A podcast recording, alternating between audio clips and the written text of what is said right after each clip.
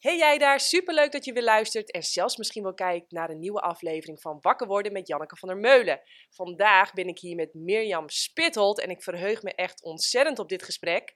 Uh, Mirjam is namelijk uh, expert in gelukskunde. Uh, voordat we gaan beginnen, eerst het volgende. Vind je het werk wat ik maak gaaf, bijvoorbeeld deze podcastshow, dan kun je financieel supporten door naar jannekevandermeulen.nl te gaan en dan te zoeken naar de knop doneren. Oké, je mag het natuurlijk ook liken, delen, doorsturen naar Jan en Alleman. Je weet, uh, abonneren, je weet hoe dat werkt. Oké, welkom. Dankjewel dat je me uitgenodigd hebt. Ja, ik zal eventjes... Uh, wat ik van jou weet, is je hebt twee boeken geschreven. Dat klopt. Wil je gelijk of wil je geluk? En uh, nou ja, vandaag is mijn lievelingsdag. Eigenlijk een boek stiekem voor jong en oud, van 0 tot 100. Ja. je geeft gelukskunde op Saxion, een vak wat je zelf eigenlijk uit de grond hebt gestampt. Ja, zelf bedacht, al heel lang geleden. Maar ja. ja, leuk. Ja. Um, je trekt het hele land door om voor zorgpersoneel en andere mensen lezingen te geven. Ja. Super nieuwsgierig wat je ze dan bijbrengt, dus daar wil ik het graag allemaal met je over gaan hebben. Ja. Um, de eerste vraag die ik op heb geschreven is... Um, ja, volgens mij maakt streven naar geluk ongeveer hartstikke ongelukkig. Want je zegt eigenlijk van, ja, wat ik nu heb of ben of hoe ik me nu voel, dat is niet goed genoeg. Het moet beter. Hoe, hoe zie jij dat? Nou, dat ben ik helemaal met je eens. Want uh, als jij denkt dat geluk in de toekomst te vinden is, ja, dan zal het daar ook altijd blijven liggen. Jij kan hier rustig uh, in de studio een bord ophangen: Tomorrow be for free, but tomorrow never comes. Ook al zet je het adres erbij, uh, ze komen voor niks. Hè? Dus dat is zeker waar. En als ik ook met mijn studenten over geluk, liefde, succes praat, dan um, hebben we het heel vaak ook over dat ze nu nog niet zo blij zijn. Dus ze hebben wel op de een of andere manier, ze delen dan hun pijn. Dat is heel raar. Vraag mensen naar geluk en het gaat heel vaak over de blokkades, de hindernissen, eigenlijk die dat geluk voor hun gevoel in de weg staan. En zij zoeken het dan heel vaak buiten zichzelf. Als ik dan maar afgestudeerd ben en als ik dan maar die leuke baan heb en die leuke vriendin en dat ze dan niet vreemd gaat graag. En dan wil ik ook een heel leuk, intelligent, heel leuk kind. en als ik dat allemaal heb, en nou chargeer ik een beetje in een dikke auto en een zak geld, dan, dan kan ik gelukkig zijn. En dan ga ik ze eigenlijk vertellen van, je mag van mij uh, alles in de buitenwereld najagen als je maar niet denkt dat daar te vinden is. Hè? En het is eigenlijk iets wat we meebrengen, maar wat we vergeten zijn, uh, dat het iets is wat in onszelf zit. En je hoeft daar ook niet naar te zoeken, het is gewoon uh, wie je in essentie bent. En als je dat gaat ervaren, dan is er no matter what er in jouw leven zich voordient, nog steeds dat oog van die orkaan uh, hè, waar jij uh, de geluk en liefde ervaart. Ook al heb je woelig water en ook al hè, is er van alles aan de hand in je omgeving, als jij nog steeds naar dat punt toe kunt, en dat probeer ik de studenten mee te geven, maar ook de mensen waar ik lezingen aan geef, uh, want dat is ontzettend veilig. Want anders ben je constant bezig met: oh, als die relatie van mijn zoon nou weer stabiel is. Of als uh, uh, hij of zij maar een goede baan heeft. Of als er maar stabiliteit is. Nou, dan kan ik gelukkig zijn. Maar dat is eng, want dan ben je de hele tijd met je meubels aan het schuiven. Maar dan komt er een storm of er komt iemand die die meubels omverwerpt. En dan moet jij weer met het furniture aan de gang. Dus daar zit het niet. En dat, daar hebben we het eigenlijk met elkaar over. Leuk. hey, en ik, ik, ik volg hem, maar wat ik kan me voorstellen, die groep studenten komt bij elkaar. Wat is, wat is jouw, waar, in welk teken staat jouw eerste les? Ja, um, ik ga ze uh, uitleggen dat uh, uh, wij niet onze gedachten zijn. Dus dat je heel veel gedachten hebt op een dag, 120.000, en daarvan is 70% negatief. Dat zijn zich helemaal niet bewust. En als je HBO studeert, dan ben je al wel vaak geïdentificeerd met je gedachten. Want je hebt het leuk gedaan bij de CITO-toets en je zit bij de paar procent van Nederland die hoger onderwijs of universiteit kan doen. Dus je moet het echt een beetje hebben van je brains. En jij denkt, ja, en dat is wie ik ben. Maar uh, als ik ze dan in die eerste les ontmoet, dan visualiseer ik dat met een mopperende muppet, die op de uh, frequentie angst is afgesteld. En eigenlijk is die mopperende muppet de illusie van afgescheidenheid. Dat is je ego. En jij denkt, ik ben een single unit, jij bent uh, eh, 59 kilo en ik 79, zit 20 tussen, we zijn heel anders. En ik ben afgescheiden van jou en jij zit hier en ik zit daar. En jij kan roeien, kan ik helemaal niks van. Hè, dus de, dat is hoe je ego eigenlijk uh, zich manifesteert. Hè. Die denkt dat jij je lichaam bent, dat jij je gedachten bent, dat jij je emoties bent. En natuurlijk, in deze wereld van dualiteit is dat allemaal een beetje waar, maar het is niet wie we in essentie zijn. Want als je die stem wil tapen, dan kan je hem niet tapen. Want uh, dan uh, is die er helemaal niet. Het schijnt een illusie te zijn. Mm -hmm. En als je ze dat vertelt, dat er ook zoiets is als een waarnemen van al die gedachten, bewustzijn. Ik geef bijvoorbeeld veel lessen bij de Minor Conscious Business, bewust zaken doen. Maar hoe kan jij bewust zaken doen als je niet eens weet wie jij in essentie bent? Daar begint het natuurlijk mee. En dat bewustzijn, dat visualiseer ik met een uil. Dat komt omdat ik een beelddenker ben, dus ik heb altijd overal grappige plaatjes bij in mijn hoofd. En die uil, dat is de waarnemen, het bewustzijn waarin alles verschijnt. En die symboliseert voor mij de frequentie vertrouwen, liefde, geluk. En uh, dat, is, dat is een net zo luide stem als die mopperende Muppet. Maar wij zijn uh, erg uh, geprogrammeerd om naar de Muppet te luisteren. En daardoor kunnen we die luide, andere stille stem niet zo goed horen. En wat wij dus doen is in die eerste les al vertellen dat er zoiets is als intuïtie. En dan ga ik aan zoek vragen, heb je wel eens iets dat je denkt, nou... het is niet meer normaal. Ik dacht aan diegene en die fietste ineens. Of, um, nou, uh, ik heb een tante die overleden is, maar ik heb haar heel vaak gevoeld. Of, en het, het wordt geen spirituele Harry Wary. Ik zeg ook waar je niks meer kan, of wat als een zilver papier op je vulling voelt, vind ik ook helemaal goed. Hè, maar daar ben je eigenlijk heel goed bezig als je daar bent op dat stuk, want dat is iets wat je juist mag gaan onderzoeken. Maar ik breng ze dus eigenlijk in een wereld waar die uh, uh, waar die uil wat meer de prominente hoofdrol mag gaan spelen. Want in het onderwijs besteden we alleen maar, of ah, dat is niet helemaal waar, maar erg veel aandacht aan de linker hersenhelft. En die uil woont in de rechter. Daar woont het nu daar woont liefde, daar woont kleur, daar woont religie, daar woont um, nou ja, fantasie, verbeelding. Alles wat jouw dochter nog heel erg goed heeft. En dan gaan we er vakkundig uitslaan, want we gaan het natuurlijk even trainen. Dat zij de snelste sommen kan maken. En, dat zij, uh, en dan gaan we het op het digibord projecteren aan wie toch wel het allersnelste kind van de klas is. En dan is Karel geboren. dus ik noem hem Karel, maar je mag hem ook gerust Janneke noemen of Mirjam of Bart of uh, Doutsen. Geef hem een naam, want dan ben je hem niet meer dan heb je hem. En wat wij in zo'n eerste les ook doen is, is even oefenen of wij zo'n uil hebben. Want heel veel zin erbij eh, en of je zo'n karel hebt. Want sommigen zeggen, nou, ik weet niet waar ze het over heeft, 70% negatief, maar zo negatief ben ik niet. Nou, dat is al de eerste negatieve gedachte, dat je me niet gelooft. En ik probeer ze te programmeren dat ze uh, meer en meer de waarnemer worden van het ego en de stilte gaan opzoeken en die uil aan het roer laten. Dus een oefening die ik de eerste les met ze doe, ze kennen elkaar dan nog totaal niet, het is heel, on, heel ja, een beetje onwennig, dat zijn ze ook niet gewend, want je zit normaal in een lokaal en je kent van misschien degene links naast je en rechts naast je de namen. Voor de rest gaan we sommen maken en gaan we heel hard op de turbo-stand uh, richting de toets. Want dan hebben we weer een vinkje en dan zijn we weer dichter bij het geluk. Hè? Want dan hebben we het diploma. En wat ik met de studenten uh, heel graag doe, is, um, nou ja, dan laat ik ze een briefje schrijven voor die ander.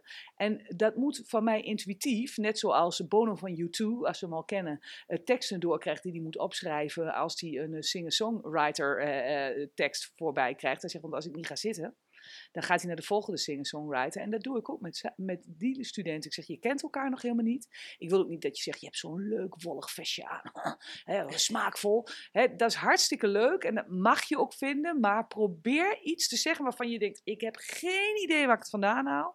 Maar ik denk dat jij dat bent. Ik denk dat je snel in schakelen bent. Of ik denk dat jij een verbinden bent. Of ik denk dat jij een heel rechtvaardigheidsgevoel hebt. Of ik denk dat jij ongelooflijk goed uh, opkomt voor de zwakkeren. En dat schrijf je op. Het moet wel aardig zijn, want het is de eerste les en we gaan niet gelijk ontzettend de criticus aan het woord laten. Dus schrijf iets op wat je meent. Nou, dan vouwen ze dat dubbel, dan geven ze dat aan die persoon. Voor iedereen moeten ze een briefje maken. Zij krijgen ook van iedereen een briefje.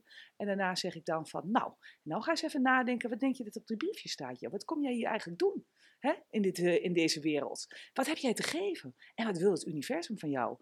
Wat, wat, wat denk jij? Nou ja, en daarna, uh, dan ga ik zeggen, en wat hoop je dat op die briefje staat? Eh, in de ideale wereld, wat hoop je? Nou ja, en dat schrijven ze dan op, daar denken ze een tijdje over na. Dan maken ze ook kennis met hun Karel, want die zegt, ja, dat ga ik niet van mezelf zeggen. En zo perfect ben ik niet. En er is nog een heleboel aan mij te schaven. Ik heb geen idee wat ik hier doe. We are all bozos on the bus. Hè? En dan uiteindelijk laat ik ze uh, kijken wat op die briefje staat. En dat is leuker dan 5 december, zeggen ze. En het klopt vaak als een bus. Dus we hebben allemaal een diepe weten. Als je ergens solliciteert bij de eerste drie seconden wordt ook al bepaald of je het wordt of niet. dat is wetenschappelijk onderzocht. En eh, ooit mocht ik de, alle directeuren van Dura Vermeer, dat is een bouwbedrijf, uh, doen. En er zat een wat grijzere man in de zaal en die stak zijn uh, vinger op. Mijn ego dacht gelijk, ik ben niet goed genoeg. Hij gelooft deze opmerking niet. Toen zei hij, weet je hoe we dat noemen bij Dura Mirjam? Dat noemen we passie of passie niet. dus nou ja, en zo... ja, dus ook in het bedrijfsleven wordt het gepruimd, maar ook bij studenten. Ja, ja, en ik vind die jonge mensen echt next level. Ik vind dat ze heel bewust zijn. We hebben echt een andere generatie dan dat ik misschien was in het begin, terwijl ik wel bij de voorlopers van het bewustzijn hoorde. Maar dit is gewoon, je kan met ze overal over praten, joh. En, eh, en, en ze vinden het heerlijk dat daar in het onderwijs nu eens eindelijk een keer aandacht aan wordt besteed. Want ze hebben zoveel potentie. En er wordt helemaal niks meer gedaan. Ja. Ja.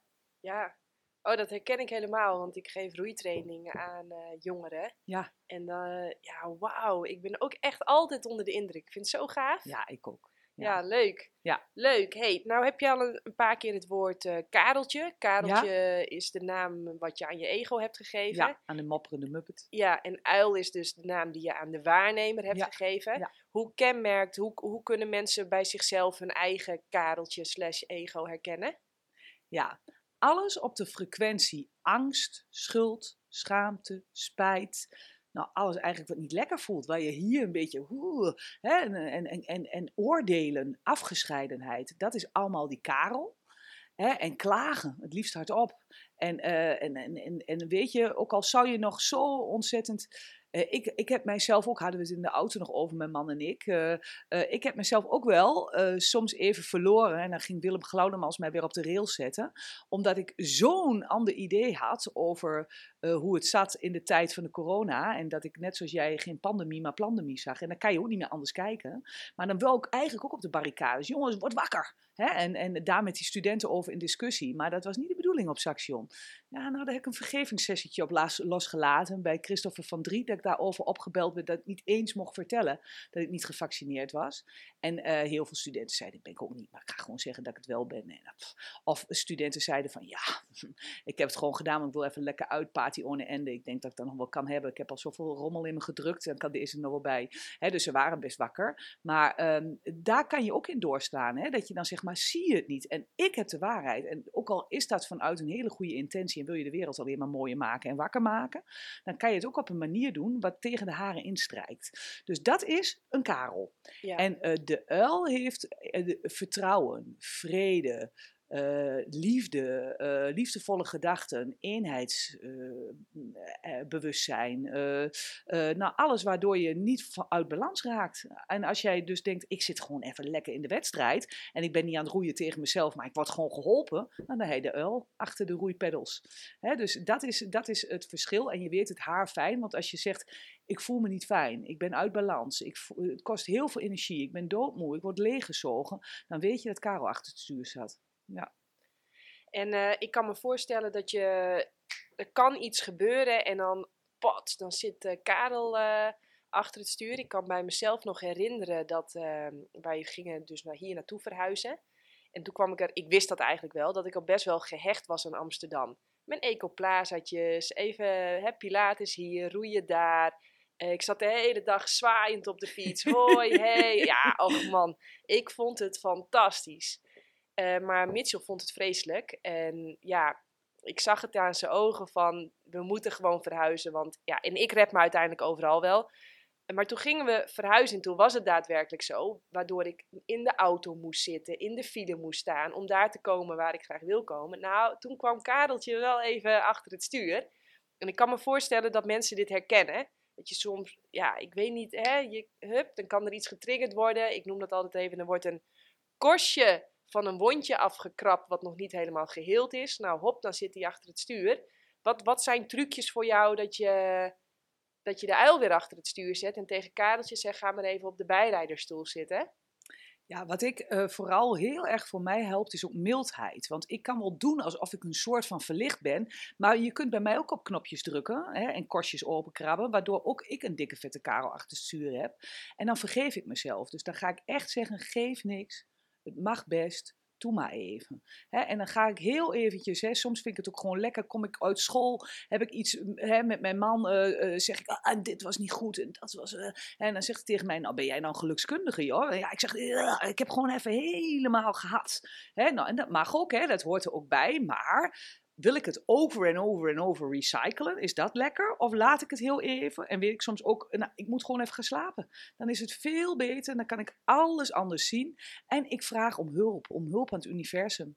En dan zeg ik, let me see things differently. Laat mij het wonder hier gebeuren dat ik in plaats van door de ogen van Karel naar dezelfde situatie, door de ogen van de liefde kijk, de uil.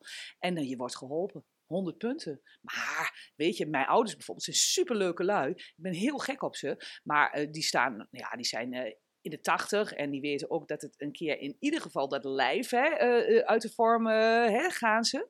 En mijn vader zegt dan, ja, mooi lul hè, op zijn twens. Hij zegt, want jij hoeft nog niet zo snel uit de vorm. Ik zeg, dat weet je helemaal niet. Ik, ik hoop dat ik jou weg mag brengen, maar we weten het natuurlijk niet. Maar hij zegt van, ja, maar weet je meer, uh, dat moet ik eens eerst zien. En dan kan ik het geloven. Weet je wel? Dat je, dat je het eerst ziet dat er meer is. En dat je om hulp kunt vragen. Het is helemaal niet zo dat ik naar de kerk ga of zo. Maar vanaf klein kind wist ik dit gewoon.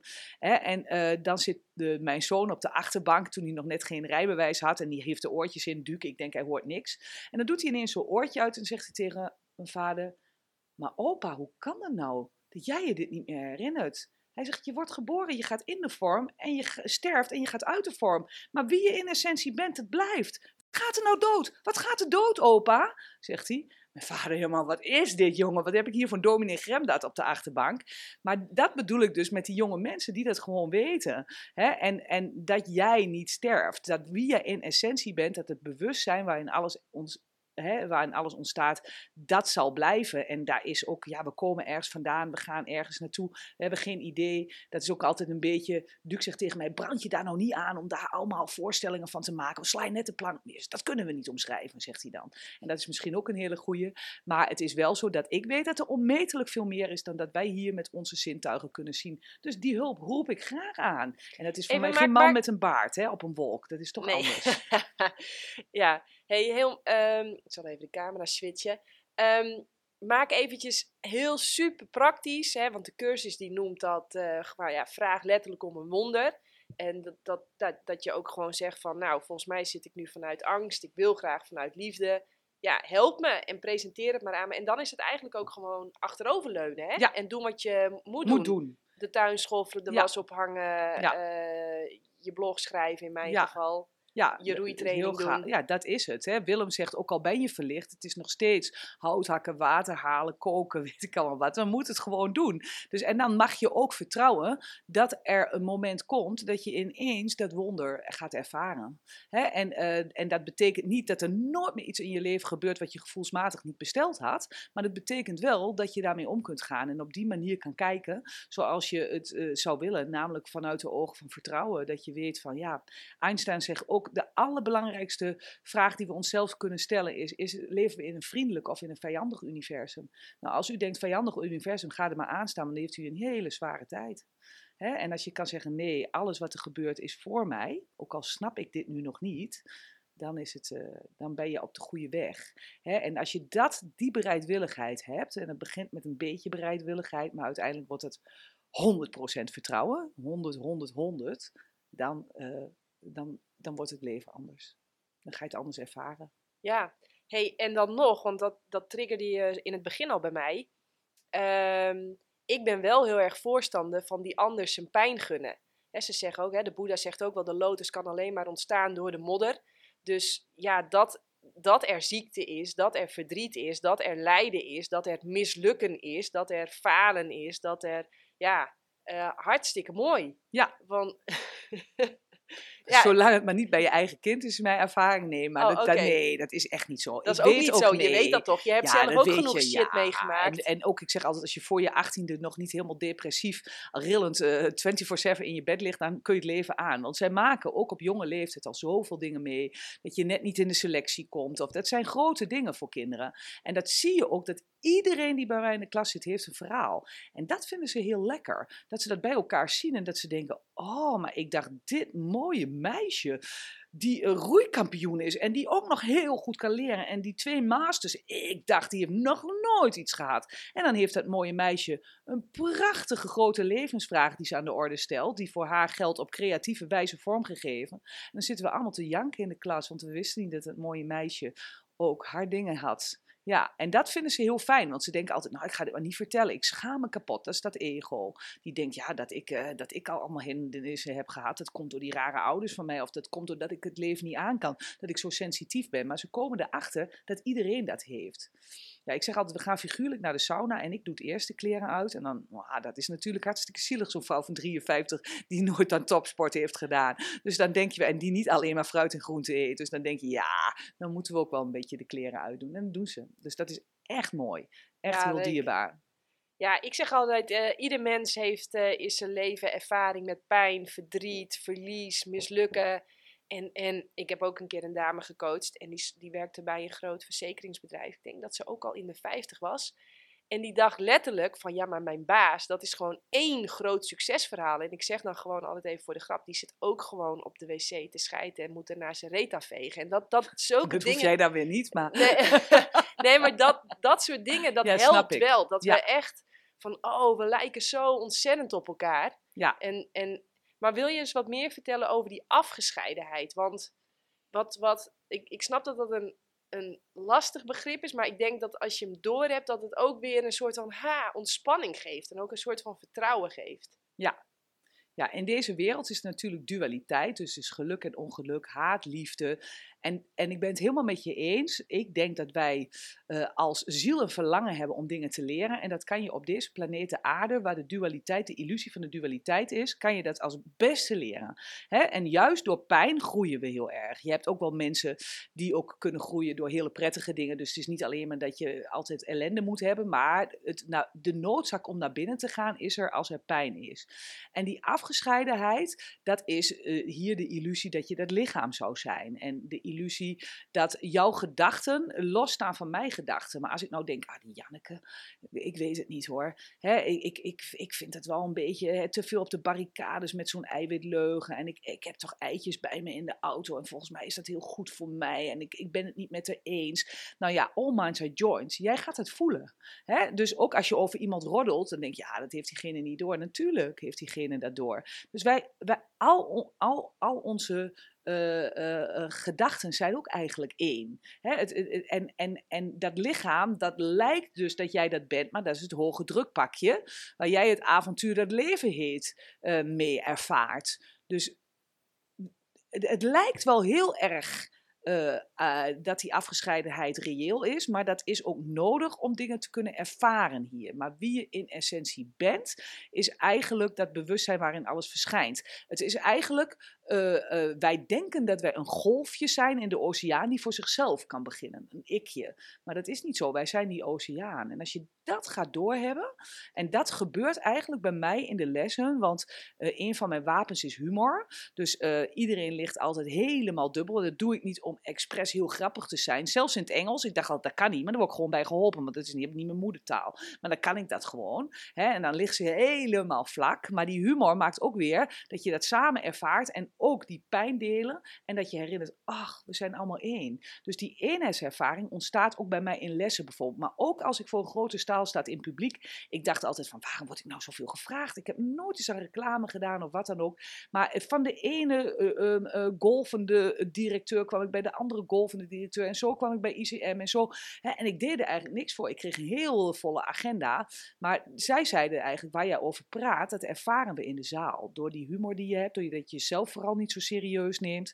Hè, dat je eh, ook kunt lachen om jezelf met al je uitglijers. En soms denk ik, ik ben verlicht. Nou, dan moet je een weekendje met het gezin van herkomsten of met schoonfamilie eh, naar een huisje gaan. En dan weet je weer dat je nog niet helemaal bent. Hè? Dus, en, en, en dat soort voorbeelden, dat maakt het heel echt. Maar het is elke keer weer die illusie van afgescheidenheid. En, en, en ja. wat, wat zijn one-liners die jij tegen jezelf zegt? Wat, wat, als, al- om, om je weer de- aan te herinneren eigenlijk dat we één zijn of uit Ja. dezelfde bron komen of weet ik veel wat. Wat, wat is een... eh, Nou, een van mijn favorieten is rule number six. Don't take yourself so fucking seriously. En als je mij vraagt wat zijn de andere regels, there are no other rules. Dus dat is een van de dingen die ik heel vaak zeg. We hebben ook een keer eh, bij, ehm, eh, eh, we hebben een keer de Art of Happiness moeten geven in een tijd dat je elkaar niet mocht zien. Dat was heel lastig voor mijn ego, omdat hij daar totaal niet achter stond. Maar ja, ik werk voor een school, daar kies ik nog voor. Dus ja, daar, daar had ik me aan te houden. En eh, deden we alles online. Dus je had leerlingen uit Barcelona erin, maar ook leerlingen uit eh, Tsjechië. En, en allemaal spreken we dan, ik spreek lekker in het zij in het Engels. En eh, aan het eind vraag ik ook altijd, wat is nou het ene ding dat je meeneemt? Nou, aan het eind was het ook zo dat we wel weer een keer elkaar mochten zien, want het, het duurt vijf maanden of zo. Dus het werd wat mooier weer. Ik zei, nou, ik weet niet of Saxion de tent opengooit, maar op eigen risico overleg met je ouders. Bij mij in de tuin gaan we elkaar voor het eerst ontmoeten. Dus er was ook iemand die boekte een ticket vanuit Barcelona hier naartoe. Want die dacht, ah, dan kan ik eindelijk die mensen echt zien. We hadden wel de camera aan hoor, met elkaar. En toen was een van die leerlingen, dus een halve kunstenares, die had een t-shirt ontworpen voor iedereen die het wilde. Maar ook voor mij en de andere twee docenten die het businessgedeelte doen, Mark en Peter. En op de t-shirt stond, rule number six, don't take yourself so seriously. En dat was hun eh, takeaway. Dat we wel ah, overal een heel groot drama voor kunnen maken. En alsof wij het middelpunt van het universum zijn. Dus dat is, dat is een van mijn favoriete dingen. Maar ik zeg bijvoorbeeld ook heel vaak tegen een leerling: of vandaag is woensdag, woensdag wonderdag of donderdag wonderdag. Ik zeg dus elke dag wonderdag. Maar als jij er maar voor bereid bent om het anders te zien. Dus dat is ook een van de dingen waardoor je de afgescheidenheid eigenlijk, eh, nou ja, eh teniet doet. En je herinnert wie je in essentie bent. Want wonderen zijn er altijd als jij maar bereid bent om ze te zien. ja, leuk. Dus ja, Mooi. Dus ehm, iedere dag een soort van feestdag. Dat is dus een keuze. Het is wel een keuze of je vanuit angst wil kijken of vanuit liefde. Dat zeker. Maar er zijn ook dingen die op je pad komen die je echt niet besteld hebt. Hè, gisteren hadden we Eugène-dag. En Eugène is de vader van een vriend van mijn zoon Pepijn, mijn oudste zoon. En Thomas zat in het voetbalteam bij Pepijn. Eh, en drie jaar geleden eh, overleed zijn vader ineens out of the blue aan een hartstilstand.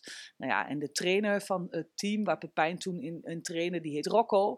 En die was ook goed bevriend met die vader. En die jongens gingen samen naar Wolfsburg en naar eh, wedstrijden kijken. Dus het was wel meer dan alleen een supporter. En toen zeiden ze, we gaan altijd op de 15e van november een eh Eugène-dag eh, arrangeren. Zodat we hem herdenken en dat we zijn leven vieren. Nou ja, en dat, dat was dan gisteren zo.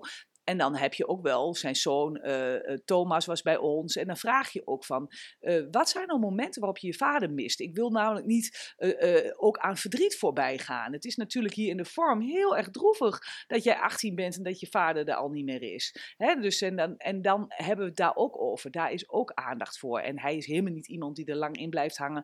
Zelfs misschien wel iemand, ik hou van hem hoor, maar die zijn stuk nog gaat doen. Omdat hij, ja, dat, dat de waarheid gewoon te pijnlijk was op dat moment om te kunnen met, hem in zijn situatie. Maar hij doet dingetjes. Maar hij vertelde mij heel trots dat hij een vriendin had in Spanje ontmoet. Een hele leuke meid. En hij zegt, ik was er vorige week nog en dan zit aan tafel met haar moeder. En we delen dingen. En dan denk ik, ah, dit had ik mijn vader willen laten zien. Hoe gelukkig ik ben. Nou, hoe mooi is dat, hè? Maar ja, dat, dat zijn ook dingen die bij het leven horen. Dus het is niet alleen maar, ach, we poetsen het weg. We zijn eenheid. Ach, eh, wie we zijn is niet het lichaam. Wie we zijn, ach, je kan niet sterven. Ja, maar het- als ik nu een telefoontje krijg dat mijn vader is overleden, dan gaat bij mij ook eh, de tranen lopen. En wil ik hem nog zoveel vertellen en zo graag knuffelen. Dus dat, dat, dat mag er ook zijn, die illusie. Ja, mooi. Mooi. hey, eh, jij zei ook al een paar keer, ehm, ehm, maar wie we zijn in essentie. Wie we zijn in essentie. Wie we zijn in essentie. Wat is dat dan? Dat is zo moeilijk, hè? Als je daar aan wilt gaan branden, dan. da- da- de- cursus zegt ook: het zijn eh, symbolen van symbolen, die woorden, hè, die je eraan wilt geven. Dus eigenlijk schiet alles tekort. Eh, eh, Het grote onnoembare. Ja, het grote onnoembare. Ja, ik vond laatst eh, luisterde ik naar een podcast met Willemijn Welten. En in Koekeroe was zij. Zij is ook een student van de cursus in wonderen. Dat ben ik ook, net zoals jij. En eh, zij omschreef het, de ziel is iets wat er voor je geboorte al was. En wat er ook zal zijn als je uit de vorm gaat. Dat wat liefde behelst. Dat wat de eenheid, eenheidservaring eh, eh, ja, doorziet. Het bewustzijn waarin alles verschijnt. Eh, ja, ik zeg ook bijvoorbeeld wel aan leerlingen van...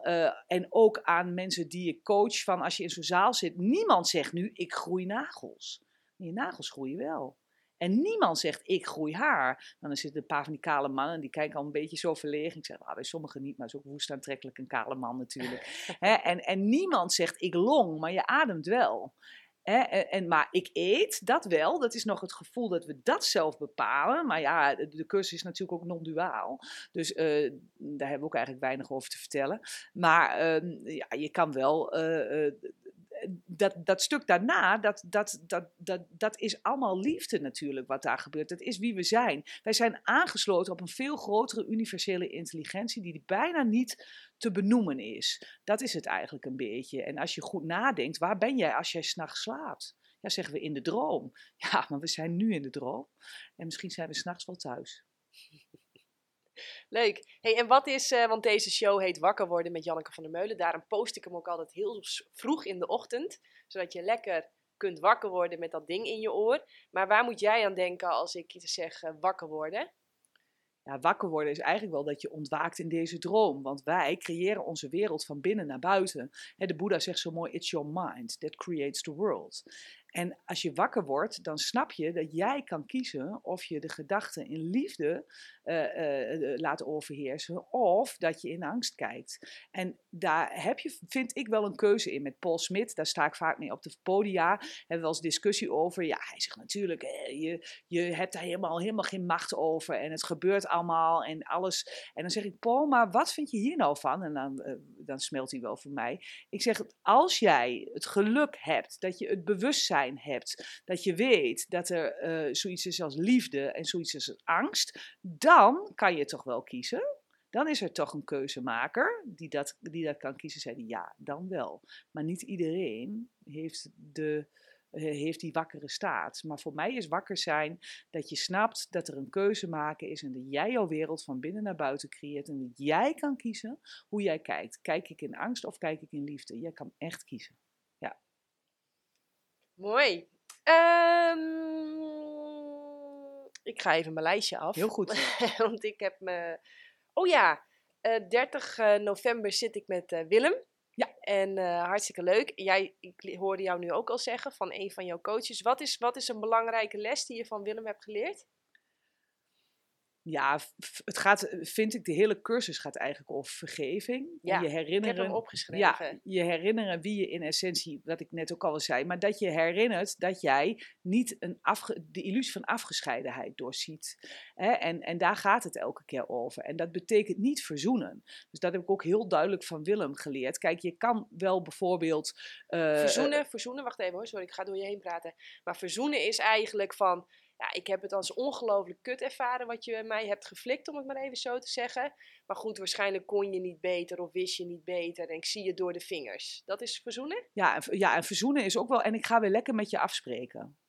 Hè? Dus ik, ik nodig je weer uit in mijn leven. Dat mag, daar is niets mis mee.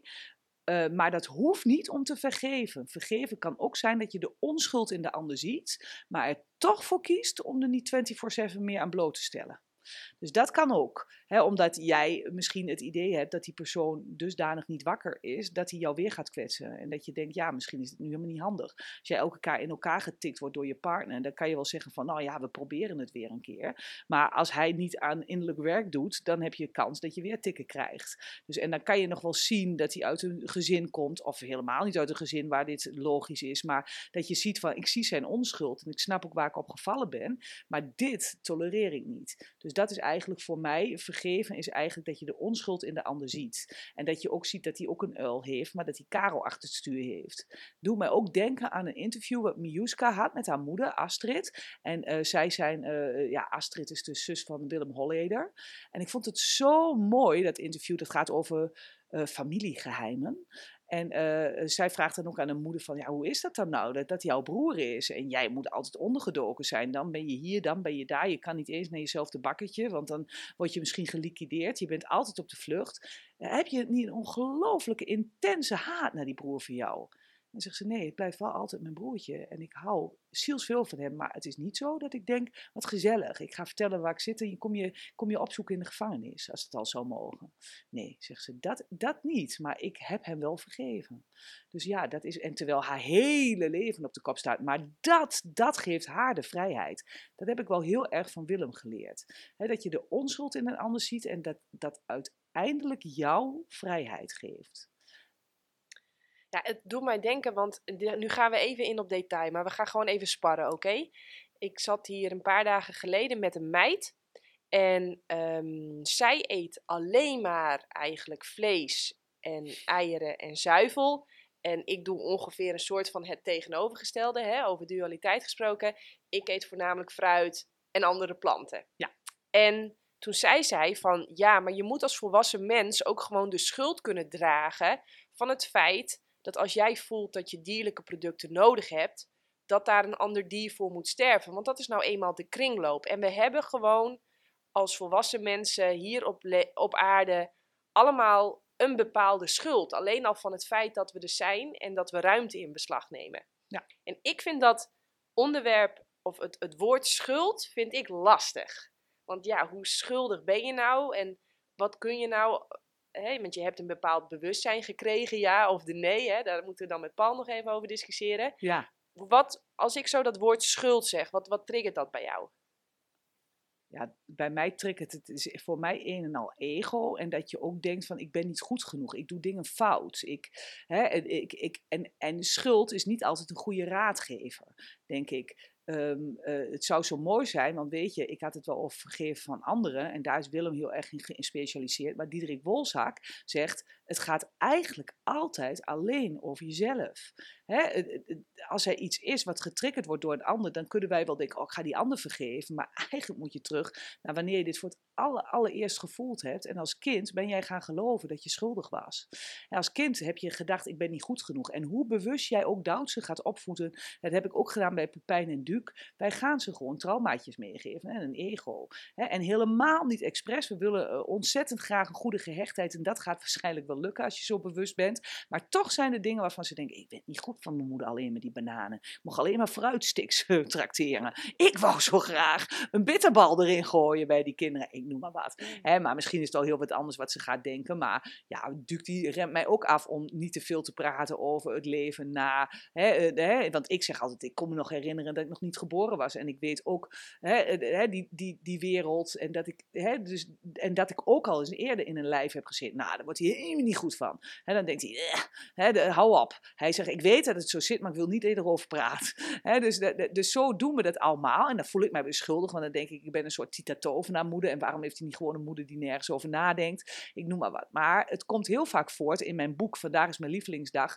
Eh, eh, dat heeft overigens Danielle heel mooi gehaakt. Dat is iemand die ooit economie van mij had, maar daar niks van kon. Maar juf is geworden en mijn verhaal hoorde en dacht, dit moet aan kinderen verteld.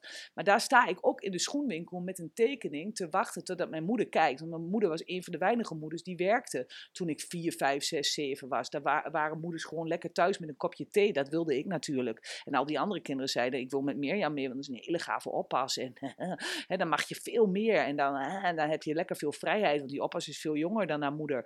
En dan, dan stond ik daar te wachten met die tekening, want die winkel van ons was redelijk dicht bij mijn school. Dus daar kon ik ook langs. En dan zei mijn moeder, uh, zometeen, wacht maar even. En dan kreeg ik een dubbeltje of zo, omdat zij zich ook rottig voelde. En koopt, kocht mij af met een zoethoudertje. Dus mocht ik daar een snoepje voor kopen. Maar ik kocht natuurlijk tien kauwgomballen gelijk, allemaal tegelijk in de mond. is zo heel goed. Hè? Daarvan komt mijn suikerverslaving. Maar ja, die kan ik ook opvullen met bananen en appels. En, uh, ja, maar even terug naar dat schuld. Ja, maar toen, toen dacht ik dus dat, dat ik niet gezien werd. Dat ben ik gaan geloven over mezelf. Dus ik ben vergeten hè, uh, uh, dan dat ik heel ben. Maar daar kan je niks aan doen. Want als kind heb je niet door dat je ouders zelf misschien niet in balans zijn. Dus jij gaat het interpreteren en als een mistaken belief. En jij denkt dat je niet gezien wordt, dat je niet goed genoeg bent, dat je niet oké bent, dat je lastig bent, dat je veel zeurt, dat je te veel vraagt. Nou, Beetje favoriete, favoriete songtekst van uh, Kareltje. Ja, uh, Kareltje zegt het liefst van ik ben niet goed genoeg ja, eigenlijk. Ja, dat en ik is, kan het niet en ik doe er niet toe. Ja, en, ja dat, dat zegt hij. Dus dat, en dan ben ik gaan geloven dat ik niet oké ben. En daar ben ik vergeten dat ik gewoon uh, uh, heel ben en, en onschuldig als heel klein kind. Dus dat is ook schuld dat jij bent vergeten wie je in essentie bent voor mij. En wat ik heel veel doe is beoefenen als iemand weer wat bij mij triggert. Dan kan ik wel boos worden op die mevrouw in de winkel tijdens de pandemie. Die vindt dat ik te dicht op haar sta met een mandje van, de, van het kruidvat. Terwijl ik daar in liefde sta en helemaal niet nadenk omdat ik niet bang ben. Hè? En die zegt tegen mij, ga dus even anderhalve meter, anderhalve meter. En eigenlijk gaat mijn Karel op aan en voelt dat kleine kind zich weer niet gezien. En doet het niet goed en is niet oké en hè, niet goed genoeg. En wat ik dan doe is even diep ademen. En ik kijk naar die mevrouw en ik zeg: Sorry, ik sta ook te dicht bij u. En sorry dat ik iets in u getriggerd heb waardoor u bang werd. En daarna gaat die, met die mevrouw met mij, omdat ik het echt in liefde zeg, een gesprek aan. Zegt: Ja, ik ging ook wel heel erg tekeer tegen u. Maar mijn dochter werkt in het ziekenhuis en die ziet de ene naar de ander doodgaan. En ik mag eigenlijk helemaal niet naar het kruidvat, ik ben niet stiekem. Hè? Dus, dus, en dan heb je een goed gesprek. En dan heb ik ook niet gezegd: U heeft het niet goed. Ik zeg: Dit is ook pittig als u dit gelooft. Ja, dan is het ook heel pittig. Ja. ja, de schuld, dus eigenlijk zijn we onschuld. Ja. En schuld is een verzinsel van het ego. Ja. En zullen we dan nu nog één keer terug naar die eetgewoontes? Dat is gewoon dat iedereen met de kenniskunde, informatie, middelen die hij tot zijn beschikking heeft. Hè? Jij noemde net al mooi het voorbeeld van de vrouw die geconfronteerd wordt met haar dochter en die zegt: gaan allemaal mensen dood. Iets wat natuurlijk iedere dag gebeurt. Maar als je vanuit die informatie en die kennis en die kunde komt, is haar gedrag logisch te verklaren. Ja. dus met de informatie, kenniskunde die ik heb, het bewustzijn, weet ik, give it a name, is het logisch dat ik hiervoor kies. Maar een ander met andere informatie is dus heel logisch dat die voor vlees, eieren en zuivel en zo kiest. Ja. En we zijn dus per definitie beide onschuldig, ook al moeten voor haar dieet dieren sterven. Ja, dat denk ik wel. Maar ik weet ook dat mijn ego bijvoorbeeld heel veel van jou geluisterd heeft. Ik eet bijna geen vlees omdat ik het niet lust. Dus daar heb ik gewoon geluk mee. Maar dat komt natuurlijk omdat ik intuïtief heel sterk ben afgesteld. En ik weet dat, dat het voor mij helemaal niet goed is. Hè? En, en ik zeg niet dat ik 100% vegan of wat of zo ben. Maar ik, ik, ik vind het heerlijk als het er niet in zit. Uh, uh, maar mijn ego vermijdt ook jouw podcast over hoe dat zit met de eiwitleugen en weet ik allemaal wat. Want die wil eigenlijk nog niet helemaal de harde waarheid. Want dan weet hij, dit is 100% om, omgedraaid. En nou, dan, dan moet je eraan. En ik heb nog een man die er nog niet aan gaat waarschijnlijk. En hoe lastig is dat dan? En ik heb het heel druk en heb ik daar wel tijd voor. Ja, natuurlijk. Ik ga gewoon een tros bananen opeten. Dan ben je ook klaar. Hoef je helemaal niks voor te doen. Dus maar... Ja, dat noemen we cognitieve dissonantie, wat je nu zegt. Ja, maar ik vind wel dat... Uh, nou ja, dat er niet één waarheid is. Want wij creëren onze werkelijkheid van binnen naar buiten. En er zullen mensen zijn, daar ben ik van overtuigd, die dan denken: ja, maar ik ben toproeiste. En om eh, top te kunnen presteren, heb ik die biefstuk nodig. En als je dat dan gelooft, ja, is diegene dan schuldig? Die, de, de, ik denk, ja, nee, die, die heeft een andere binnenwereld en, uh, en denkt echt dat dit nodig is. En die koopt hem misschien dan bij de scharrelslager of zo. En, en praat zich daar dan een beetje meer goed dat dat wel hele lieve knuff, geknuffelde koeien zijn. Maar uh, we hebben ook zo'n knuffelkoeienbaas in, in Enschede. Nou ja, als we dan eens een keer een stukje vlees eten, kopen we het van hem. Want we weten dat die dieren het heel leuk hebben in het park. Maar ja, ze zijn toch dood gegaan. Ja. ja. ik vind hem leuk. Ik vind hem interessant. Want uiteindelijk heb je natuurlijk wel een bepaalde verantwoordelijkheid. En ja. ja. heb ik zoiets, vandaag de dag heb je toch ook wel weer een keuze. Maar ja, wie ben ik ook om die ander te veroordelen en te zeggen, ik weet het beter voor jou. En uh, je voelt je nu zogenaamd zo, maar volgens mij weet ik veel. Ja, dus dat is ook super lastig. Ja. Uh, maar ik, ik, uh, ja, ik vond het zo interessant dat ze begon over schuld.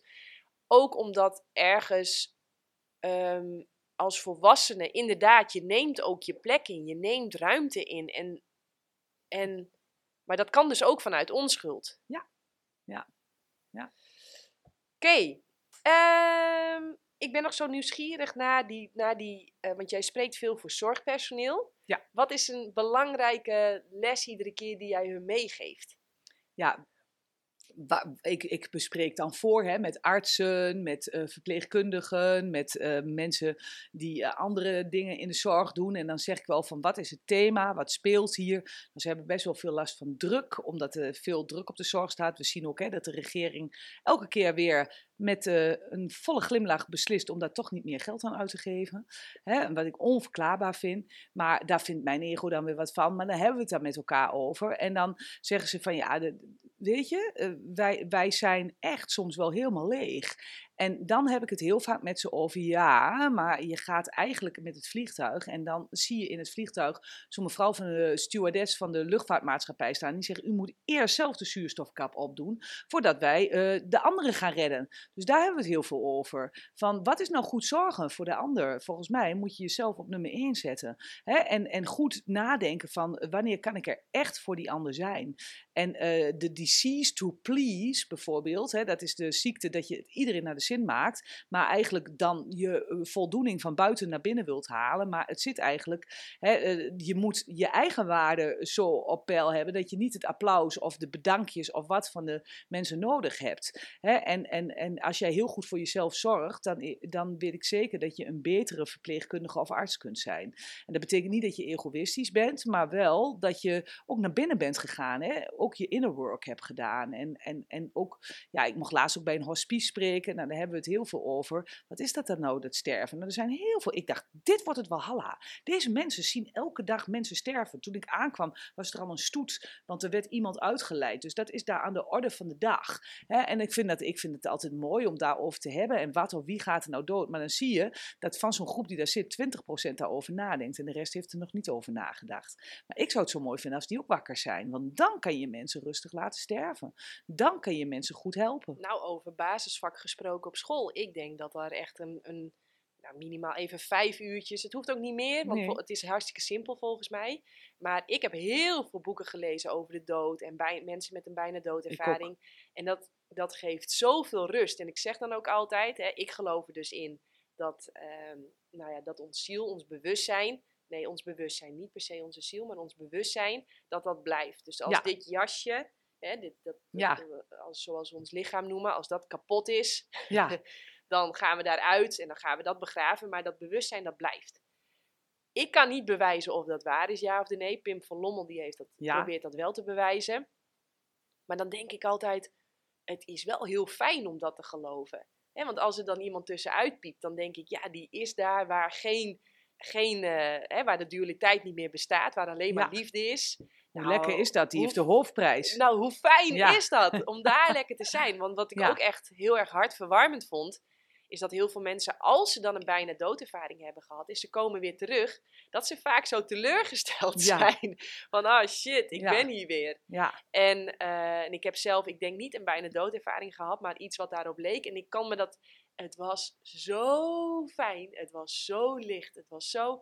En iedereen, Janneke, Janneke, Janneke. En ik dacht alleen maar, laat me met rust, laat me met rust. Dus ergens kan ik me voorstellen voelen, ja. hoe dat is. En um, ja, het is zo'n fijne gedachte. En ook heel veel culturen zeggen, ja, aards lijden is hemels vieren. Ja. En, ja. Ehm, dus ja, ik denk dat dat wel een basisvakje mag worden op school. Van uh, wat kan er gebeuren? Ja. Misschien. Maar het is in ieder geval leuk om te geloven als je doodgaat. Ja. En uh, het heeft mij in ieder geval heel erg geholpen. Mij ook. Ja, ik heb daar heel veel naar gekeken, want we hebben allemaal een doodsangst. Dat vindt iedereen natuurlijk super spannend. En ik zeg ook niet als ik nu hoor dat ik ongeneeslijk ziek ben, dat ik me er vreselijk op ga verheugen of zo. Want dan vind oh. ik ook dat in de wereld van de vorm ik nog wel onmisbaar ben, denkt mijn ego dan. Hè? Maar die jongens gaan gewoon door. Dat zagen we aan Thomas. Hij heeft ontzettend lekkere Spaanse vriendin te pakken. Dus hij doet het gewoon goed hoor.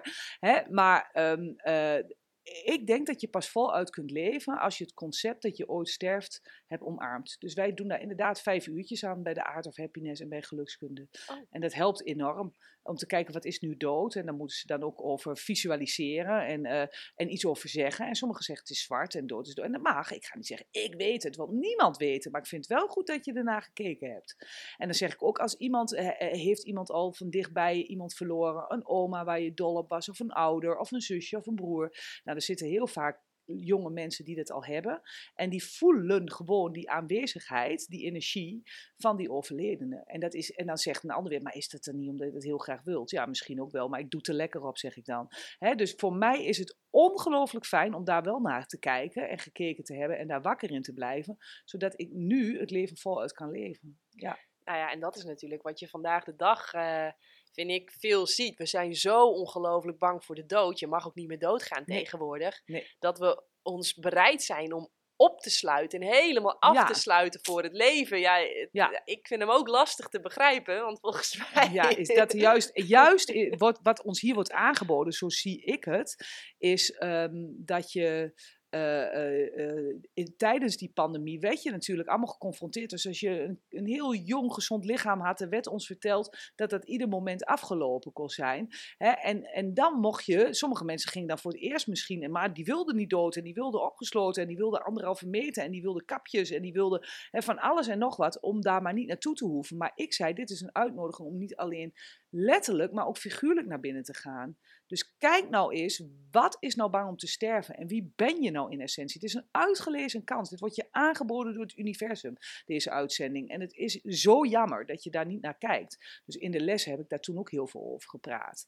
en, en ook gezegd van ja, dit, dit is wat de overheid uh, in plaats van al die persconferenties misschien eens aan de orde had kunnen stellen. Uh, en, en eens kijken van wat gaat dood en moeten we mensen tot hun 94ste met vla uit de mond lekkend in verzorgingstehuizen nog oppeppen, want die mogen ook niet sterven. Ik denk dat dit ook soms een aangename, welkome verlossing was voor sommige mensen die toch al op het randje lagen. Ja, dat is misschien heel hard van mij, maar als ik er zo aan toe ben op mijn 94ste, dan haal me maar op. Dan heb ik wel zin in die wereld met alleen maar liefde. Ja. Mooi. hey, en uh, ik weet dat jij veel met de cursus bezig bent. Um, waar ik nog wel eens over struikel, omdat de cursus zegt: ja, ziekte is eigenlijk ook een illusie, het heeft helemaal geen doel. Um, wat, wat, wat, hoe zie jij dat? Want ja, we zitten hier toch op deze wereld om allemaal ervaringen mee te maken. En waar ziek, van, ziek zijn ook uh, ja, een ervaring is. Zie jij een soort van nut of functie? Of, of waarom worden we ziek? Waarom worden mensen ziek?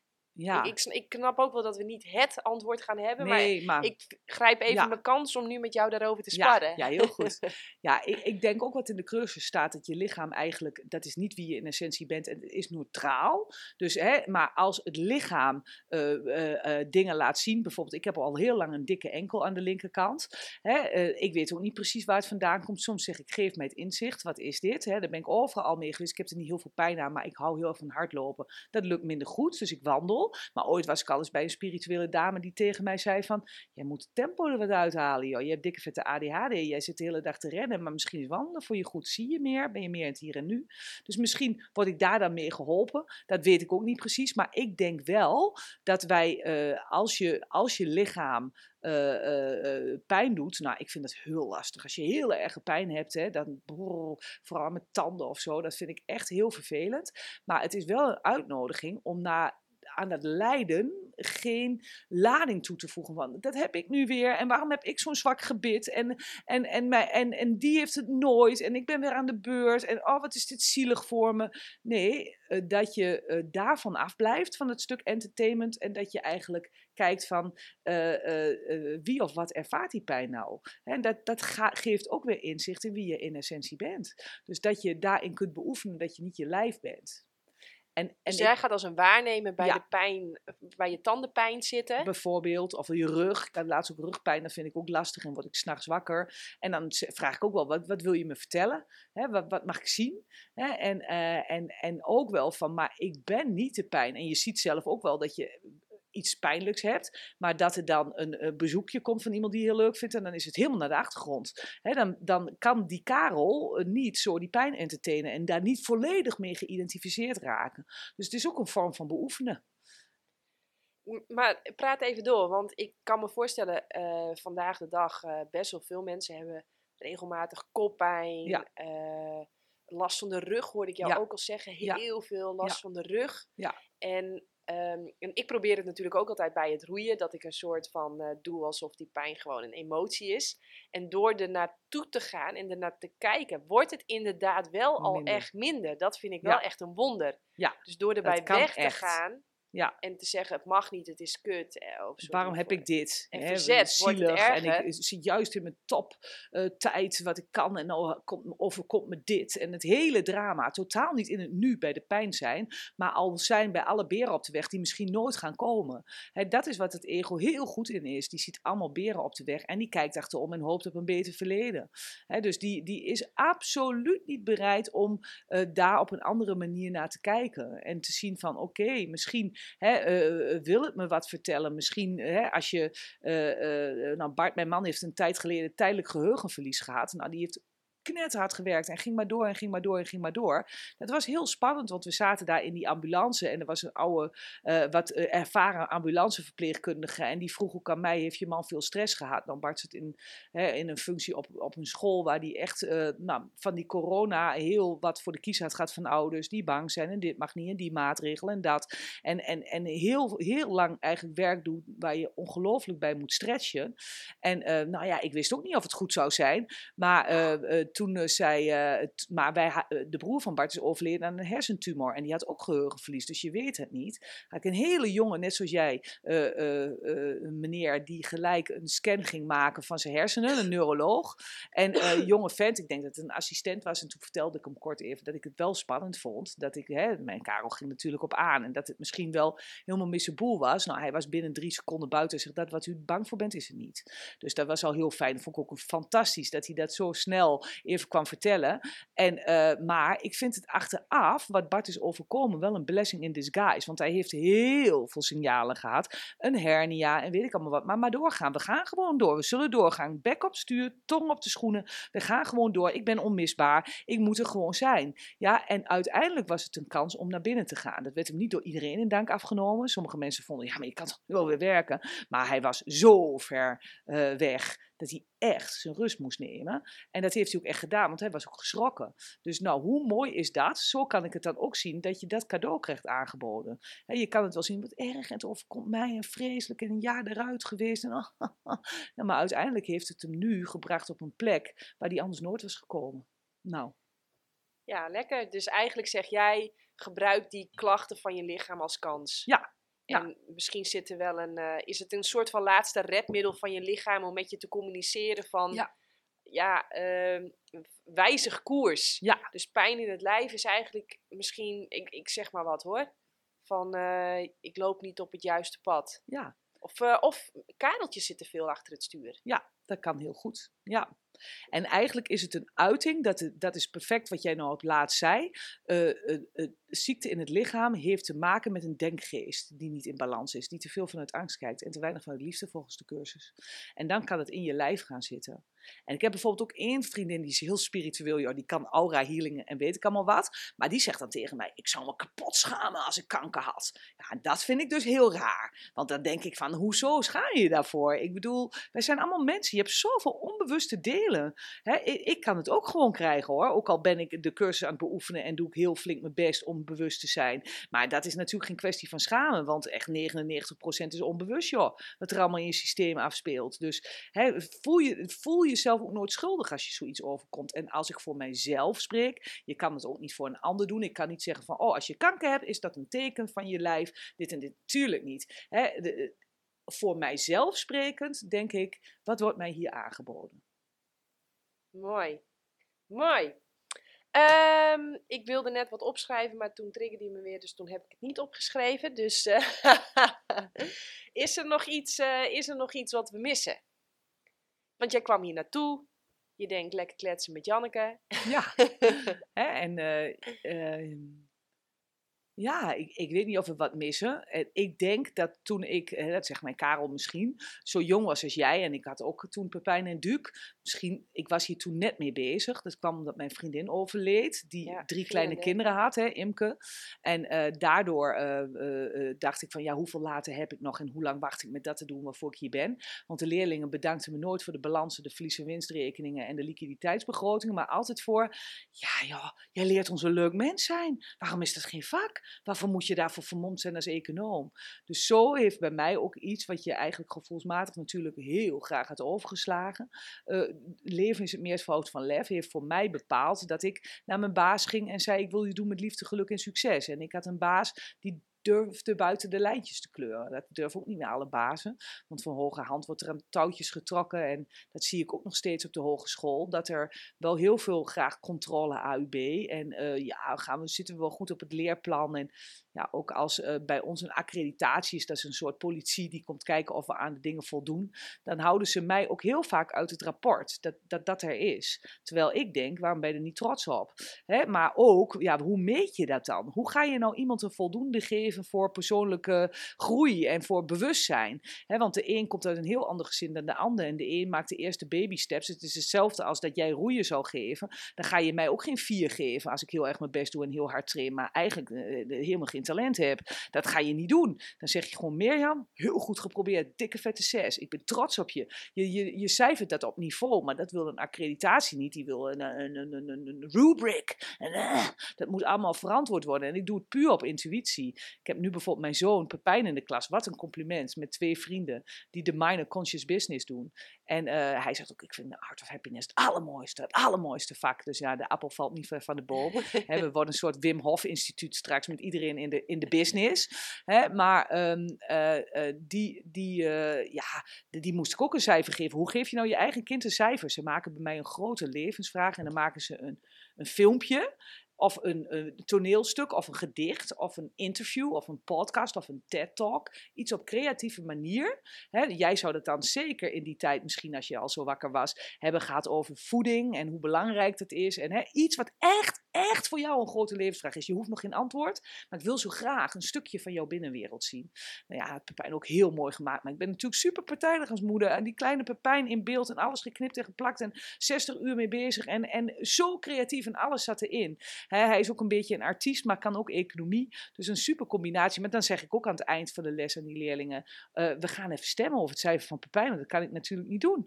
dus, en dat is ook mooi. Maar uiteindelijk ben ik wel zo overtuigd van wat ik doe. Als er een accreditatie is en ik word even niet genoemd, dan ga ik naar het spreekuur en dan ga ik even de ruimte nemen en vertellen wat ik doe. En dan wordt dat als parel genoemd in, in, in, in de belofte van geen één hogeschool doet dit. Hè? Maar en parel is misschien soms een beetje oogverblindend. Ja, dat denk ik. Ja. die straalt wat te hard, dat doet pijn aan de ogen. Ja, dus nee, maar, maar dat had ik jou nog willen vragen, want jij bent natuurlijk een moeder en, en, en best bewust hè, in mijn optiek, want ik ben ook fan van je podcast en luister van alles. En, en denk, wow, wat is ze slim en ze is snel en ze is, en ze is, eh, en ze is bewust. En, eh, en, en nou, ze doorziet het hier echt wel. Maar uh, uh, nou, zo wakker was ik denk ik nog niet toen ik Pepijn en Duke had. En, en, en hoe doe jij dat dan met opvoeden? Hè? Wat zijn, wat, want ja, 18 maanden gaan er maar aanstaan of niet? nou ja, ik hoorde al een paar keer uh, je over school praten. Kijk, als we allemaal uh, juf Mirjams hadden, dan had ik hem misschien wel naar school gestuurd. Dit is alweer een hele lastige uitspraak, maar wij gaan er waarschijnlijk voor kiezen om buiten het schoolsysteem te blijven omdat ik als coach ook heel vaak ervaar dat ik ongeveer alles wat je daar hebt geleerd, oftewel de maskers, de harnassen, hè, het gedrag wat je daar hebt jezelf hebt aangeleerd om maar goed te doen en in de groep te passen, dat ben ik als coach vaak je allemaal weer aan het afleren. En, en wat je echt moet leren op school, waar wij het dus net al over hadden, hè, wat gebeurt er als je doodgaat? Um, hoe zorg je dat je kadeltje op de bijrijderstoel hebt en die uil ook uh, regelmatig achter het stuur zet? Allemaal dat soort dingen. Ja, dat moet je allemaal dan in die paar uurtjes die er overblijven die, dat moet je dan jezelf maar aanleren. En wat ik ook echt een hele interessante vind, ik, ik vertelde al, ik coach die jongens. Dat zijn jongens van 13, 14, 15, 16. Als ik zie hoe ik die binnenkrijg als oude, stijve opatjes. Ze kunnen hun rug niet hol maken. Ze kunnen met de, voet, met de vingers niet bij de grond. Hoe ik daarmee aan de slag moet om dat weer los te soepele, krijgen. sterke jongens van te maken. Dan denk ik, oh, hele dag Echt. achter het stoeltje hè? in het klaslokaal. Ja, dus uh, daar had ik het met Arie ook over. Kijk, Duitse, natuurlijk uh, kijkt ze ook op de laptop en de telefoon. Allemaal prima. Maar ik leg haar dan bijvoorbeeld op de buik. Ja. Even de andere kant op. Ja. En, uh, maar het schoolsysteem... Nee, ik heb zoiets, ga die tijd en uh, dat geld en die energie maar lekker investeren in wat jij interessant vindt. En uh, stamp een business uit de grond of ga wat leuks doen. En uh, ga lekker veel trainen. Ja, en En tuurlijk is dat ook niet alleen maar roze geur en maneschijn, want dat is niks hier op de wereld. Dus dat gaat ook nadelen hebben. En dan gaan we ook tegen dingen aanlopen. Maar ja, ik heb zoiets, dat zien we dan wel weer en dat lossen we dan wel weer op. Mooi. En uh, ja, ja, zoiets. En dat vindt iedereen al super spannend, want als er iemand, je gaat haar straks wel zien, een sociale gezelligheidsdier is, die het liefste wil dat de kroeg tot aan de nok aan toe gevuld is, dan is het Duitse. Ja. En heel veel mensen hebben het idee, nee, laat ik zeggen de overtuiging, nee, het vooroordeel is dat, Ja. dat homeschooling, dat dat saai en dan heb je geen vriendjes. En je isolement is. Ja, En ik heb nu inmiddels al best wel met veel mensen gesproken. En ze zeggen het tegenovergestelde is waar. We moeten soms echt rust inbouwen. Want anders word je gek van de hoeveelheid kinderen, mensen, landen die we moeten bezoeken, dingen die we moeten doen. Dus eh, nee. ja, er zijn ook allemaal maar ja, vooroordelen. Ja, vooroordelen. En wat ook leuk is, wat ik ook zo interessant vind, een kind leert. Dat, maar corrigeer me als ik iets zeg waar jij als lerares met zoveel ervaringen anders over denkt. Maar een kind blijkt ontzettend goed te leren en zich te ontwikkelen. Eén, vanuit zichzelf. Daar Ja. hoef je helemaal niet aan te trekken of te duwen. Je, hè, als je gras gaat trekken, gaat het ook niet harder groeien. Dat doet het helemaal vanuit zichzelf. Beetje water, beetje zonlicht, meer heb je niet nodig. En, ehm, en eh, mensen van verschillende leeftijden, verschillende soorten mensen, Juist, ja. eh, verschillende omgevingen. Nou, en wat doen we nou met een kind? Dat zetten we eigenlijk, nou, het begint al op je derde, want dan Ja. zit je al bij al je dorpsgenootjes op de Ja. peuterspeelzaal. Met exact diezelfde kinderen ga je naar de kleuterschool, basisonderwijs.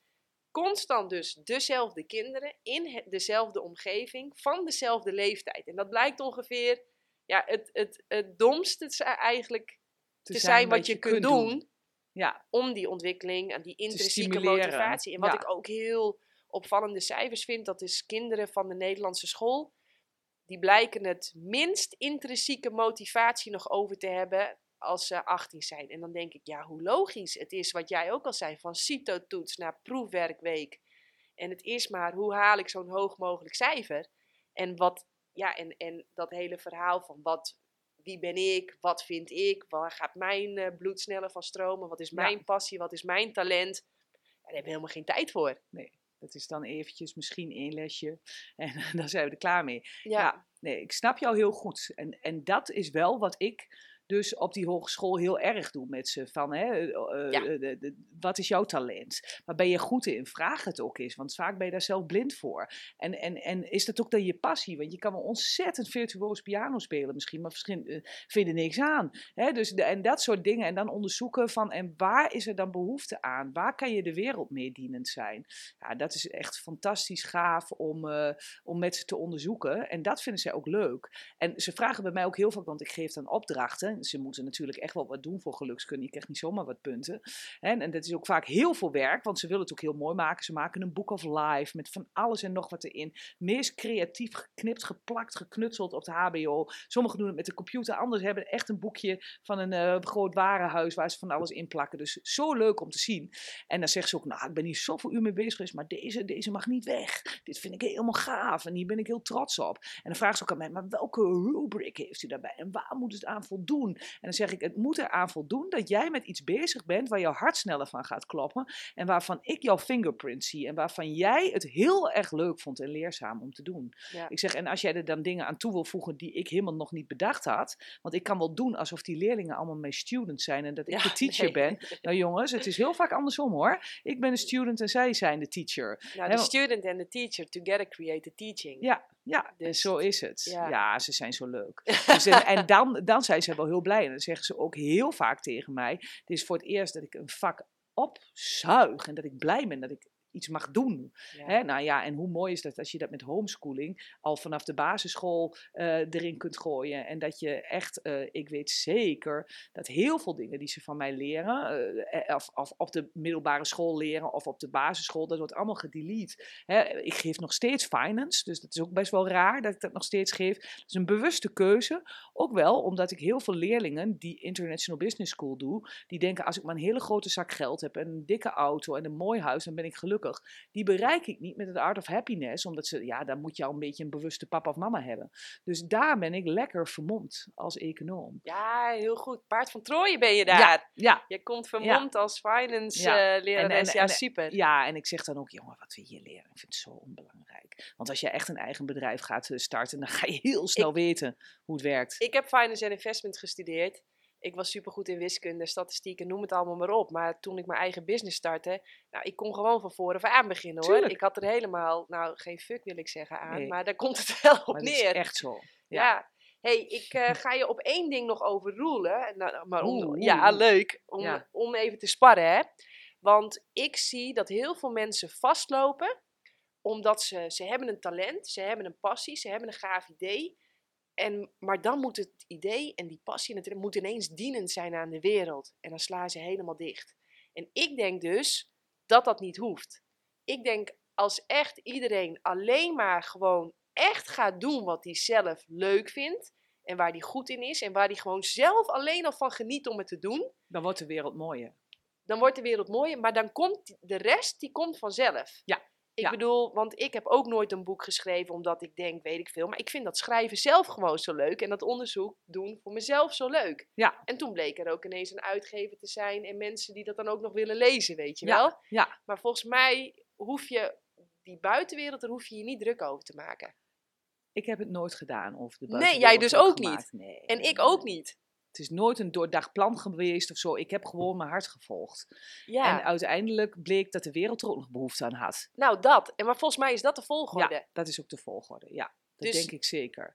En je intentie moet natuurlijk wel goed zijn. Je moet niet hier een aarde willen uitputten of weet ik wat met je ideeën.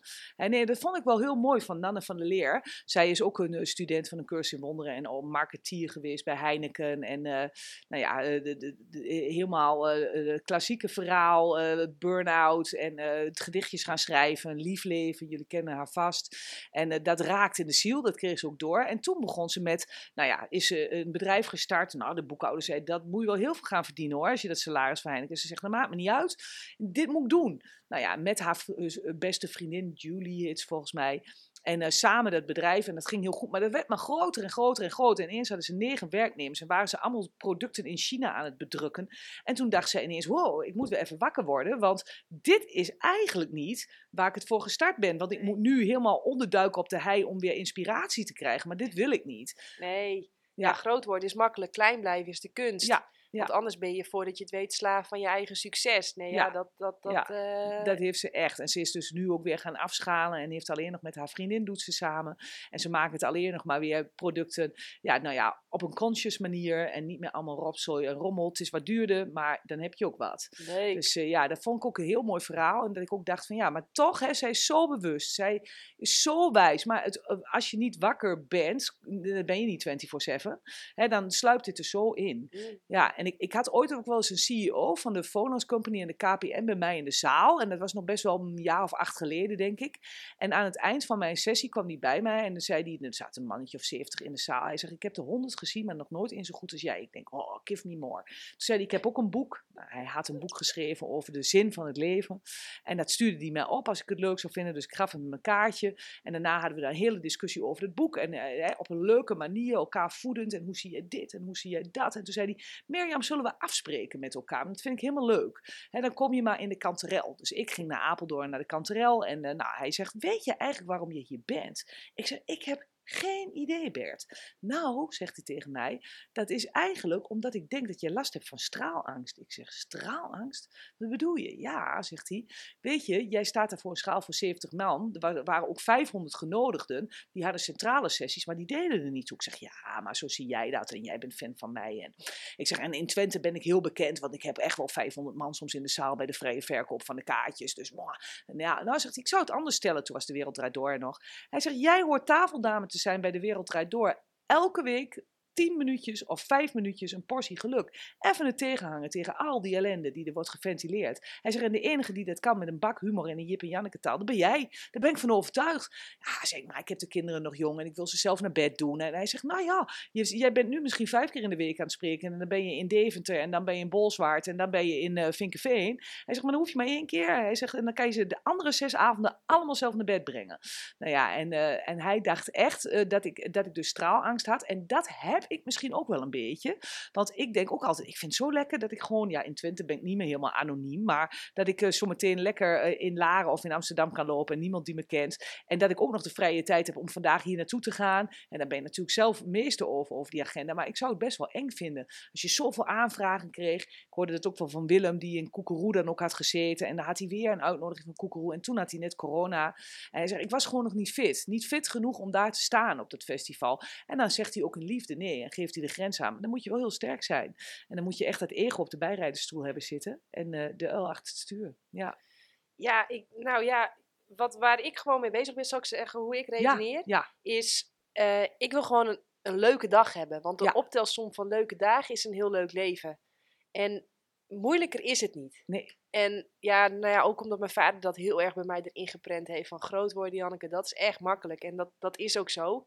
Maar klein blijven, dat mooi, hè, dus echt waarborgen dat ik ochtends gewoon weer in dat bootje zit, s middags gewoon weer lekker gekracht trainen.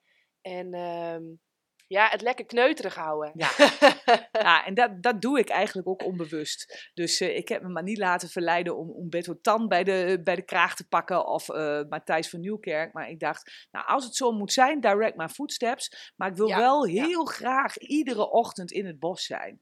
En dat lukt mij altijd nog. En ik doe er niks voor. Ik zeg het niet tegen de roostermakers van Saxion of zo. Maar ik heb nu ook weer een rooster. Ik begin niet voor kwart over tien. Hoe fijn is dat? ik begin iedere ochtend, nou ik wacht net zoals jij tot de zon een beetje opkomt en dan ga je. En dan luister ik mijn podcastje of dan ben ik in de stilte of dan mediteer ik of dan trek ik een kaartje van Willemijn Weltens kaart en dek en dan heb ik daar mijn focus op. En dan doe ik een les uit de cursus in wonderen en dan kan ik aan het roer.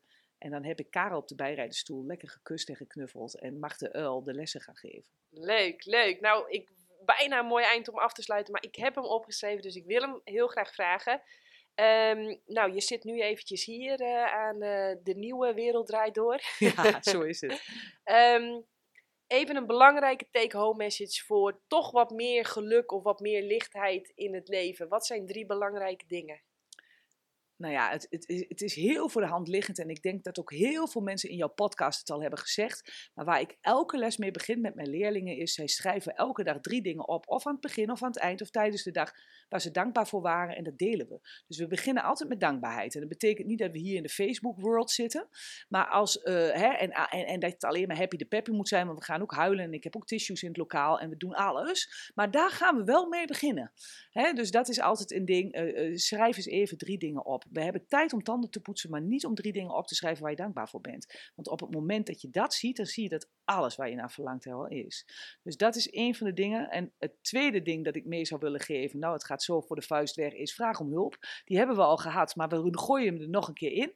En dat kan zijn aan hulp van een collega, hulp van je partner, hulp van je schoolmoeder. Maar het kan ook zijn hulp aan het universum. Laat mij de dingen anders zien. Laat mij kijken in liefde in plaats van in angst. Help me, alsjeblieft. En um, nou ja, heb oog voor wonderen. Want ze zijn er altijd. En het is niet dat Jezus over het water kan lopen of zo, wat mij betreft. Maar wel die toevalligheden, die synchroniciteiten. Dat je het toeval nou, te groot voor woorden vindt. En, en schrijf ze ook op en deel ze met mensen. Hoe vet is dat? En het zijn kleine knipogen dat er onmetelijk veel meer is dan dat wij met onze zintuigen kunnen waarnemen. En daar word ik intens gelukkig van. Want dan snap ik dat die Karel er nog helemaal geen kaas van gegeten heeft. Ik weet niet of ik kaas mag eten voor jou, maar... voor mij, voor mij, mag, je alles. Voor mij mag je alles. Uh, superleuk. We gaan hem afronden. Mirjam, heel erg dankjewel. Uh, ik, heb, ja, ik heb de hele tijd de camera op jou gezegd, dus mensen hebben het niet gezien, maar ik heb hier met een big smile gezeten. Dus uh, super, daarvoor heel erg bedankt. Jij ook heel erg bedankt voor het luisteren en zelfs misschien wel kijken. Vind je dit gaaf? Deel het volop. Uh, ga naar jannekevandermeulen.nl. Daar vind je ook de knop doneren. Daar kun je financieel supporten, zodat deze show nog even lekker door kan gaan. En dan wil ik zeggen tot de volgende keer. Doei! Nou, super! Nou, mooi. Hebben we goed gedaan samen. Leuk! Zou je eigenlijk wel meer plantaardig willen eten, maar heb je geen idee hoe je dat op een gezonde, verantwoorde manier voor jezelf en je gezin doet? Lees dan het boek De Eiwitleugen. Mijn naam is Janneke van der Meulen en in 2018 en 2022 werd ik wereldkampioen kustroeien. In 2021 werd ik na een energieke zwangerschap en soepele bevalling moeder van onze dochter. Alles op een dieet van fruit en planten. Kijk, je kunt nog zoveel diploma's hebben, geluk, talent, connecties, geld. Maar energie is uiteindelijk wat het verschil maakt voor resultaat. In het boek De Eiwitleugen deel ik daarom alleen maar de allerbeste wetenschap voor optimale gezondheid, fysiek en mentaal. Dus bestel het boek nu via jannekevandermeulen.nl.